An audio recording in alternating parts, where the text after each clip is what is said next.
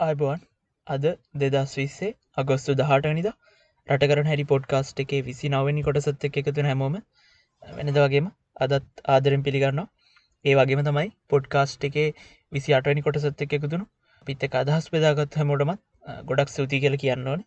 අද අපි කතා කරන්න බලාපොරොත්තු වෙන්නේ ලංකාව කොරෝණ පාලනය කරන්න උත්සා කරන විදිහ ගැන කැන්සල් කල්චය එක ගැන සහ සුළු ජාතික මහජන නියෝජිතය ගැන.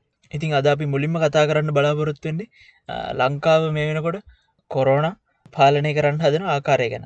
ලංකාවේ කොරෝණ ආසාධිතයෝ පන්දස් තුන්සියකට වැඩි ප්‍රමාණයක්කින්න මේක පටන් ගන්නේ බ්‍රන්ඩික්ස් කියන ඇගලුම් කර්මන්ත ශාලාවෙක් හැබැයි අලුතෙම්ම ආසාධිතයෙක් වාර්තාවෙන්ඩ සති කීපයකට කලින් ඉඳලම සෞඛ්‍යංශ ප්‍රකාශ කරේ ලංකාවේ ආසාධිතීන් හිටියේ නැහැ කියන ලංකාවේ ආසාධිතයෝ හිටිය නැත්තම් එහෙම වටපිටාවක් ඇතුළේ මේ රෝග පැතිරෙන්ඩ මේ වෛරස එක පැතිරෙන්න්න හේතු දෙකක් මුල්වෙනයි කියලා අපිට හිතාගන්න පුළො එක්කෝ බ්‍රන්ඩික් සාතනයට පිටරටිං ආපුවාගෙන් හරි පිටරටිං ගෙනපු බාණ්ඩ අමුද්‍රවවලින් හරි මේ රෝග බෝයනවා එහෙම නැත්තං ලංකාව ඇතුළේ නියමිත ප්‍රමාණයට PCR ටෙස්ට් නොකරපු හන්දා රෝගීන් ගොඩක් අපිට මගෑරිලා ආසාධිතයෝ සමාජය ඇතුළේ ඉඳලා මේක බෝවුනයි කියලා අපිට හිතන්ඩ පුලො දැ මේ කොරෝණ පැතිරෙන්ඩ හේතුව හේතුවන්ක එකනම් ඒකැන්නේ ඉන්දියාවෙල් ලංකාවට ආපු කණ්ඩෑමකින් හරි ඉන්දියාවෙල් ලංකාවට ගෙනපු බාණ්ඩුවලින් හරිනම්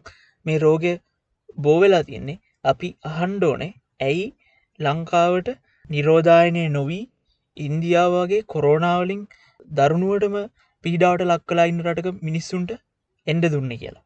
ඉන්දියාවගේ රටකින් ලංකාවට එහෙම කිසිම පරීක්ෂාවක් නොකර බාණ්ඩ එවන්ඩ ඉඩ දුන්නේ කියලා.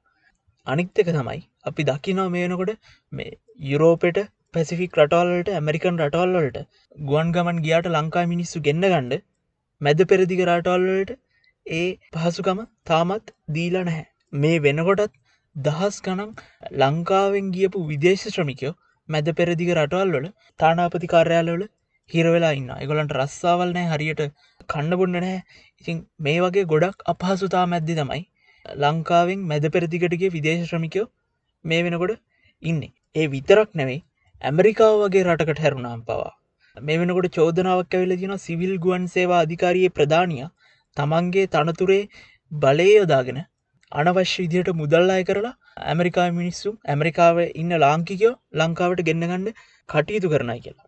මෙහෙම වටපිටාවක ලංකාවේ මිනිස්සුන්ව මෙච්චර අපහසුතාවයට පත් කරලා ලංකාවේ විදේශ ශ්‍රමිකයන්ව මෙච්චර අපහසුතාවයට පත් කරලා කටයුතු කරන වෙලාවක ඇයි ඉන්දියාව මිනිස්සුන්ට ලාංකිකයෝ නොවෙන කට්ටියට මේ විදියට අමුතු සහනයක් ලබා දෙන්න කියලා අපි ප්‍රශ්න කරන්න ඕනේ. ඒ විතරක් නෙවෙයි මේ වෙනකොට ශෝධනයිල් වෙලා තියෙනවා. ලංකාවට ඉන්දිය කණ්ඩෑම ගෙන්න්න ගන්න උත්සාහ කරනකොට පරිපාලන අංශෙන් ආපු අනිසි බලපෑමක් හන්ද මේ ඉන්දිය කණ්ඩෑමට නිරෝධායනය නොවී ලංකාවට එන්න පුළන්ුණයි කියලා. ඒ වගේම තමයි මේ රෝගය පැතිරියන්ට හේතුව අපි PCR ටෙස් ප්‍රමාණවත්තරමට නොකරපු එකනම් ඒ ඇන්න හේතුවන්ක දෙකනම් පිහල බලන්න ඕනේ ඇයි මේ PCR ටෙස්ට් කරන එක නැවැත්වේ කියලා. මොකක් බලාපොරොත්තුවෙන්ද මේ පරීක්ෂණ ප්‍රමාණය සීමා කරයි කියලා. මොකද මේ වෙනකොට PCR පරීක්ෂණ කට්ටල පාවිච්චි නොකිරීම හන්ද කට්ටල තිස්දාහක් කල්ලිකුත් වෙලා තියෙනවයි කියලා දෙරන අරුණ පුවත් පතෙන් වාර්තා කරලා තියෙනවා. ඒක ලිංක එක අපි ඩිස්ක්‍රපෂන් එක දාන්න මේ කොහොමුණත් මොන හේතුව නිසා හෝ වෛරස් එක සමාජයේ පැතිරෙන වටපිටාවක් ඇතුළ ඇයි තවමත් සෞඛ්‍යංශෝලිං සහ ආරක්ෂකංශවලින් මේ රෝගය සමාජය තුළ බෝවෙන් නැහැ කියලා කියන්න කියනෙක් ගැන අපිට ගැටලුවක් ඇතියෙනවා බ්‍රැන්ඩික්ස් ආයතනය ඉඳලා යාපනය දක්වාම ආසාධිතයෝ හොයාගෙන තියෙනවා. එකැන මේකට මූලික හේතු වනේ බ්‍රැන්ඩික්ස් ආයතනය වැඩකරපු සේවකයෝ යාපනය ගියහන්ම යාපනෙන් රෝගින් හොයාගත්වවෙන්න පුළ හැබැයි එහෙම යාපනයට යන අතරවාරයේදී මේ සමාජය තුළේ කාටවත් ඔය ලෙඩේ බෝවෙන්න හැකියාවක් නැද්ද? එහෙමනම් අපි කොහොමද කියන්නේ තාමත් සමාජය තුළේ මේ වෛරස්ස එක පැතිරීමේ අවධානමක් නැහැ කියලා. ඇයි මේ විදිහට මිනිස්සුන්ට මේ සමාජය තුළේ කොරෝණ පැතිරීමේ අවධානමක් නැහැ. මිනිස්සුන්ට මිනිස්සුන්ට ප්‍රකාශ කරන්න ගෙනෙක් ගැන. අපිට ලොකු ගැටලුවක් ඇතියනවා මේකින් බලාපොරොත්තු වෙන්න මොකක්ද කියනෙක් ගැන ලොකු ගැටලුවක් ඇතිවන ඉතින් මේ වෙලාවෙ කරන්න තියෙන හොඳමදේ තමයි රට ඇතුළේ සංචරණයවීම් සීමා කරන එක. ඒගැන්නේ මිනිස්සුන්ට සමාජය හැසිරෙන්ඩ පුළුවන් හේතු ප්‍රමාණය. රැකියාවට යෑම අධ්‍යාපන කටයුතුවලට යෑම අවශ්‍ය ආහාරද්‍රව්‍ය ගණ්ඩයෑම වගේ හේතු කීපයකට සීමා කිරීම තුළින් විතරයි මේ වෙලාවේ මේ රෝගය පැතිරීම පාලනය කරන්න පුළන් කියලා අපි හිතනවා ඉදිරි දවස් කීපයවත් මේ රෝගය තවත් පැතිරෙන්න්න නොදී ඒකට අවශ්‍ය නීති ක්‍රියාත්ම කර කියලා අපි බලාපොරොත්තු වෙනවා. අපි ඊළඟට කතා කරන්න බලාපොරොත්තු වෙන්නේ කැන්සල් කල්ච් කෙනෙක් ගැන මොකද බ්‍රැන්ඩික් සාහිතනය සේවය කරන සේවිකාවකට මේ කොරන වෛරස්ස එක ආසාධනය වෙනත් එක්කම. අපි දැක්ක දෙරණ එම් එක කොමඩි ප්‍රෝගෑම් එකකදී. ජෝක එකක් යැන ජෝක එක කියන්නේ ඇඟලුම් ශාලාවල වැඩට යන කටිය වැඩිපුරම බයවෙන්න මොකේටද කියලා හනා දොට ඒකට දෙන උත්තරේ තමයි පොසිටිවීම කියන එක. දැම් එතෙන්දී මේ ජෝක එකෙන් අඟවන දේ තමයි ඇඟලුම් කර්මාන්තශාලාවල කලාපෙට වැඩට යන හැමෝම ඒ වෘතිය කරන හැමෝම බොහොම පහත් අත්තට දාලා කතා කරන එක. මෙතෙන්දි අපි දැකපු දේ තමයි සමාජයෙන් මේ මේ ජෝක එකට මේ වැඩසටහනට ලොකු විරෝධයක්කාව ඉතින් මේ විරෝධය අපි දකිනිතිර ගොඩක් හොඳ දෙයක්. මොකද මාධ්‍යන් දෙන හැම කුණුගොඩම පිළිගන්න මිනිස්සු ලැහස්ති ලැහැස්ති නැහැ කියන එක මාධ්‍යවලට තේරුම් කරලා දෙන්න ඕන. මේ ඒකට හොඳ හොඳ නිදසුනක්. ඒක හරිට ක්‍රියාත්ම ගුණ අවස්ථාව ඒ වගේම තමයි ඔකලට මතක ඇති අපි විසි අටවෙනි පිසෝඩ් එකේදී මේ රොයල් තැප්‍රබේන් කියන එක ගැන රොයල් තැප්‍රබේන් ගැන කතා කර. ඒගල අලුතෙම දාලා තියෙන වීඩියෝ එක රේප් ගැන කතා කරන රේප් එක නිකර විහිල්ුවට අරගෙනගේ මේ සිදුවීම් දෙක දැක්කහම තමයි අපිට හිතුන මේ කැන්සල් කල්චෙක් ගැන කතා කරන්න.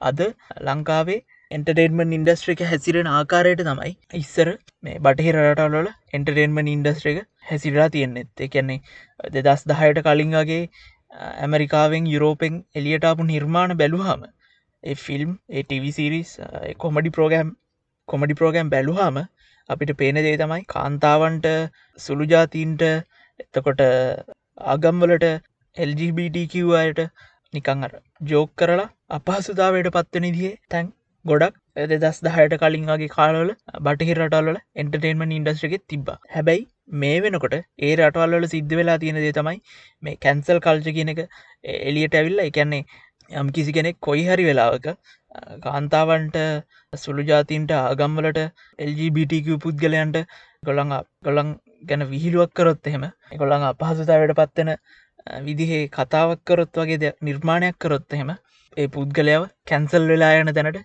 සමාජය පත්වෙලා තියෙන මේකට හොඳ උදාහරණ ඇත්තමයි අර ගාඩියන්ස් of the ගැලක්සි කියන ෆිල්ම් එක අධ්‍යක්ෂණය කරපු ජේම්ස් ගන් එය අවුරුදු ගණනාවකට කලින් ලියපු ටීට් කීපයක්. එලියට ඒම හන්ද එකත් උඩට උඩට ආපු හන්ද? මාවල් ආයතනයෙන් තීරණය කරනවා. ඔහුව අධ්‍යක්ෂක තනතුරෙන් ඉවත් කරන්න. සමාජෙන් ආපු ප්‍රතිවිරෝධය හන්ද? ආයත් ඔහුට අධ්‍යක්ෂක හුට ෆිල්ම් එක අධ්‍යක්ෂණය කරන්න අවස්ථාව හම්බෙනවා හැබැයි මෙහෙම තැනකට බටහි රටවල එන්ටර්ටේන්මන් ඉන්ඩස්ට්‍රික පත්වෙලා තියෙනවා. එකැන මේක හැබැයි සම්පූර්ණයම නරකයි කියල කියන්නත් බැහැ මොකද පිදකිනා මේ හාවි වයින්ස්ටයින් වගේ කට්ටියට තියෙන චෝදනා විභාග කරන්න ගොල්ලන්ට විරුද්ධ නීතිමය ක්‍රියාමාර්ග ගන්න හැකියාවක් ලැබෙන්නෙත් මේ කැන්සල් කල්චක හන්ද? එතකොට ඒක සම්පූර්ණය වැරදි කියල කියන්න බෑ.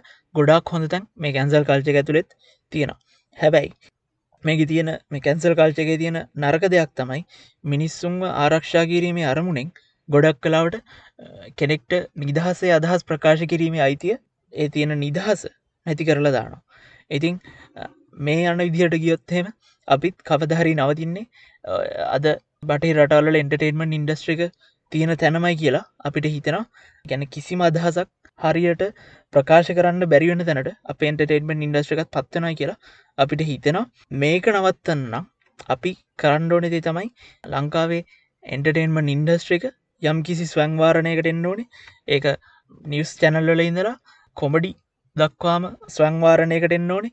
ජෝක එක කරනකොට හරි යම්කිසි නිර්මාණයක් කරනකොට හරි ඒක අරමුණ වෙන්නේ ඒ යම්කිසි පුද්ගලෙකෝ යම්කිසි සමාජ කණ්ඩායමක් රික්තලා ඒකෙන් විනෝදයක් ලබන එකද ඒකෙන් වීවස් ගන්න එක ඒකින් රේටිංස් ගන්න එකද කියලා නිර්මාණ කරන කට්ටිය තමන්ගෙම අහල බලන්න ඕනේ. එම නැත්තා යම්කිසි ගැටලුවක් සුළු කොටදා කළ ඒගැන ඒ ගැටලු එච්චර ගණන් ගණ්ඩ ඕන දෙයක් නෙවෙයි කියන දැනට පත් කරලා ඒකෙන් ආතල් එකක් ගන්න එකද අරමුණ කියලා නිර්මාණ කරන කට්ටිය හල බලන්න ඕන. මොකද දැඟර අපි කිව්ව රේප් ගැන විහිළු කරන වීඩියෝ එක එතකොට ගාමන්් වල සේවය කරන හැමෝම ගනිකාව කියලා දැනට පත් කරන ඒ ජෝක එක අරමුණ වෙන්නේ ඒ කට් කාන්තාවන් අපහසුතාවයට පත් කිරීම නේද කියලා. එ නිර්මාණ කරන කට්ටිය තමන්ගෙම හල බලන්න ඕනේ. අපිට කියන්න තියෙන දේ තමයි හැමෝ ගැනම විහිළු කරන්න ඕනේ වටපිටාවක් තියන්නම් සිංහල මනුස්සය දෙවල මනුස්සය මුස්ලි මනුස්සය සහ ගෑනු පිරිමි තකොට LGBTQ මිනිස් LGBTQ නොවෙන මිනිස් මේ හැමෝ ගැනව විහිළු කරන්න පුළුවන් වටපිටාවක් තියන්නම් අපි යම් කිසි ස්වංවාරණයකට එන්න ඕනේ. එන්ටර්ටේන්මන් ඉන්ඩස්ට්‍රික යම් කිසි ස්වංවාරණයකට එන්න ඕනේ. ඒගැන්නේ නිර්මාණ කරනකොට ඕනෙම කෙනෙක් ගැන විහිළු කරාට කමන්න හැ හැබැයි ඒ විහිළු කරන එක අරමුණ මොකක්දි කෙනෙක් ගැන හිතල බලන්න ඕනේ. අපි බලාපොරොත්වෙනවා මේ විශේෂෙන්ම ලංකාවේ මේ මේන් ස්ට්‍රීම් මීඩියා වලින් සහ ලංකාවේ ප්‍රවෘත්ති චැනල් වලින් පටන්ගත්තොත් හොඳයි කියලා. ඒක සිද්ධ වනකං අපි බලාගෙන ඉන්නවා. ඊළඟට අපි කතා කරන්න බලාපොරොත්තු වෙන්නේ කිව්වාගේම සුළු ජාතීන් නියෝජනය කරන මන්ත්‍රීවරු ගැන. හැම සුළු ජාතික මන්ත්‍රීවරයෙක් ගැනම නෙවෙයි සුළු ජාතීන් නියෝජනය කරලා පත්තලායන මහජන නියෝජිතයෝ පිරිසක් ගැන. මොකද මේකට මූලික හේතුවෙන්නේ අපි දකිනවා මේ වනකට රිෂාඩ් බදියවදින්න අත්ත ඩංගුට ගන්න. මාර කට්ටක් කනවා ලංකා පොලිසිය. කණ්ඩයම් හයක් විතර දර ලංකා පුරාම පරීක්ෂණ කරලත් තාම එක පුද්ගලෙක්කො හොයාගන්න බැරි වෙලා තියෙනවා. ඒ වගේම අපි දකින දේ තමයි ගාමන්් සේවකය නිරාද නිරෝධානයෙන් එලියටාව නැත්තං ඒගොල්ලන්ගේ වත්කම් රාජ සන්තක කරනයි කියලා සද්ධදාන පොලිසියට සහ මේ රටේ නීතිමය පද්ධතියට බදියුදීන් ඉස්සරහ කටවාගෙන ඉන්ඩ සිද්ධ වෙලා තියෙනවා. අපි දකින්න දේ තම අපි හිතන දේ තමයි. මේ වෙලාවේ බදයුදීන් මුස් තමන්ට තියෙන මුස්ලිම් ජනතාවගේ චන්දටික පෙන්න්නගෙන තමන්ට තියෙන දේශපාලන ආකර්ශණය පෙන්න්නගෙන ආරක්ෂා වෙලා ඉන්නවයි කෙනෙක් නැත්තං සිංගප්පුරු ඉඳලා කේපීව ඔයාගෙනපු රහස් පොලිසියට ලංකා ඇතුලින්න බදයුදීන් අල්ලගන්න එක මහගේමක් නෙවෙයි කියලා අපිට හිතනවා. ඉතින් මේ වෙලාවේ කවුරුහරි පුද්ගලෙක් හන්ද බදයුදීන් අත්තඩම් ගොඩ ගැනීම සිද්ධ වෙන්න නැහැ. ඇබැ අද අපි කතා කරන්නේ කවුදේ පුද්ගලයා කියනෙක් ගැන නෙවෙයි. අද අපි කතා කරන්නේ මේ සිද්ධියෙන් ඉගෙන ගන්න ඕන දෙගෙන මොකද අපි දකිනා සුළු ජාතින් නියෝජනය කරන අපි මේ කතා කරන මන්ත්‍රියවරු ගැන සමාජය ආකල්ප දෙකක් තියෙනවා. එකක් තමයි සුළු ජාතින් නියෝජනය කරන මන්ත්‍රවරුම මාර අනුකම්පාවකින් දකින කොට්ටාශයක්කින්න ඒකොල්ල හිතන්නේ බධවිතීන්ලා විග්නේශ්වරන්ලා රව්ෆකීම්ලා සුළු ජාතින්ගේ ගැලවුම් කාරය හැටියට තොන්ඩමල්ල සුළු ජාතින්ගේ ගැලවුම් කාර හැටියට තමයිකොළ දකින්නේ.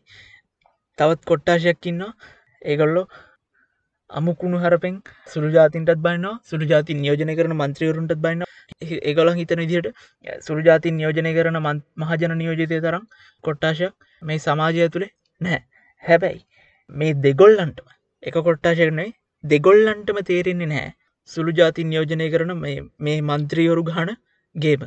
මේ මහජන නියෝජිතය උතුරට ගිහිල්ල අම්පාරට ගිල්ල මන්නාරමට ගිල්ල තමන් නියෝජනය කරන මිනිසුන්ට පොඩි චූන් එකක් දෙෙන අපේ ජාතිය තමයි හොඳම ජාතිය. ගොල්ල බයින්ඩ එපා මං ඔගොල්ලන්ගේ තිවාසිකම් වෙන පෙනීන්නයි කියලා. ඒ ප්‍රදේශවලට ගිල්ලා පොඩි චූන් එකක් දීලා කොළඹ ඇවිත් ළමයින්ම කොළඹ ස්කෝලදානවා ළමයින්ම විදේශරටල්ල කැම්පස්වලට යනවා. ඊට පස්සේ අවසානි තමන්ගේ ළමයින්ම සිංහල ජාතිවාදීන්ගේම දරුවන්ට බන්දල දෙන්නත් කටයුතු කරනවා. එතකොට අන්තිමට මේ සමාජ කොට්ටාශ දෙකම හොඳට රැවටිලා තියෙනවා කියලා අපිට හිතාගන්න පුළුව හැබැයි මේ කොට්ටාශ දෙකටම වැඩිය අසරණෙන තවත් කොට්ටාශයක් ඉන්නයි කියලා අපිට හිතනවා. මේ මහජන නියෝජිතයන් සුළු ජාතින්ගේ ගැලුම්කාරයෝ හැටියට දකින කට්ටියටත් වඩා සුළු ජාතින් නියෝජනය කරන මන්ත්‍රීවරු ශාපයක් කියලා දකින කට්ටීටත් වඩා මේ සුළු ජාතික මහජන නියෝජිතයන්ට චන්ද දෙන දෙමළ මුස්ලිම් මිනිස්සු අස්සරණයි කියලා අපිට හිතනවා. මොකද ඒගොල්ලන්ට යම් කිසි හේතුවක් හන්ද තේරෙන්නේ නැහැ අවබෝධ වෙන්න එක්ක පිළිගන්න ලෑස්ති නැහැ. තොන්ඩම විකුණන්නේ ලයිම් කාමරොලකින්න මිනිස්සුන්ගේ රුපියල් දාහය අරගලය කියලා. ඒගොල්ලන්ට තේරෙන්නේ නැහැ විග්නේශ්වරන් විකුණන්නේ අවතැන් වූවන්ගේ අයිතිවාසිකම් ටික් කියලා. ඒගොල්ලන්ට තේරෙන්නේ නැහැ බදියුදීන් මේ වෙලාවෙ විකුණන්නේ මුස්ලිම් මිනිස්සුන්ගේ චන්ද ටික කියලා. බදියුදීන් මේ වෙලාවෙ විකුණන්නේ මුස්ලිම් මිනිස්සුන්ට තමන්ගෙම කියලා ගයක් හදාගණ්ඩ ඉල්ලන අයිතිවාසිකම් ටික් කියලා. ඉතින් මේ වෙලාවේ සිංහල මිනිස්සුත් දෙමල මිනිස්සු මුස්ලිම් මිනිස්සු මේ හැමෝම අවබෝධ කරගන්න ඕනි. මේ සුළු ජාතිීන් නියෝජනය කරන මන්ත්‍රීවරු මහජන නියෝජිතයෝ තමන් නියෝජනය කරන ජනතාවගේ චන්දය විකුණගෙන ජීවත්වනොයි කියලා. මේ මන්ත්‍රියවරුන්ගේ ලංකාවෙන්න සිංහල අන්තවාදී මන්ත්‍රිවරුන්ගේ වෙනසක් නැහැයි කියලා හැමෝම තේරුම් ගණ්ඩෝ ඉතින් ඒක ගැනත් පොඩ්ඩක් කල්පනා කරල බලන්න කියලා මේලාවේ ආරාධනා කරන ඉතින් කොහොමුණත් අදට පි අපේ පොඩ්කාස්ට් එක අවසන් කරනවා. අදත් පොඩ්කාස්ට් එකත් එක් එකතුනාට හැමෝටම ගොඩක් ස්තුතියි. නැවත හමුවෙනකම් අයිබෝන්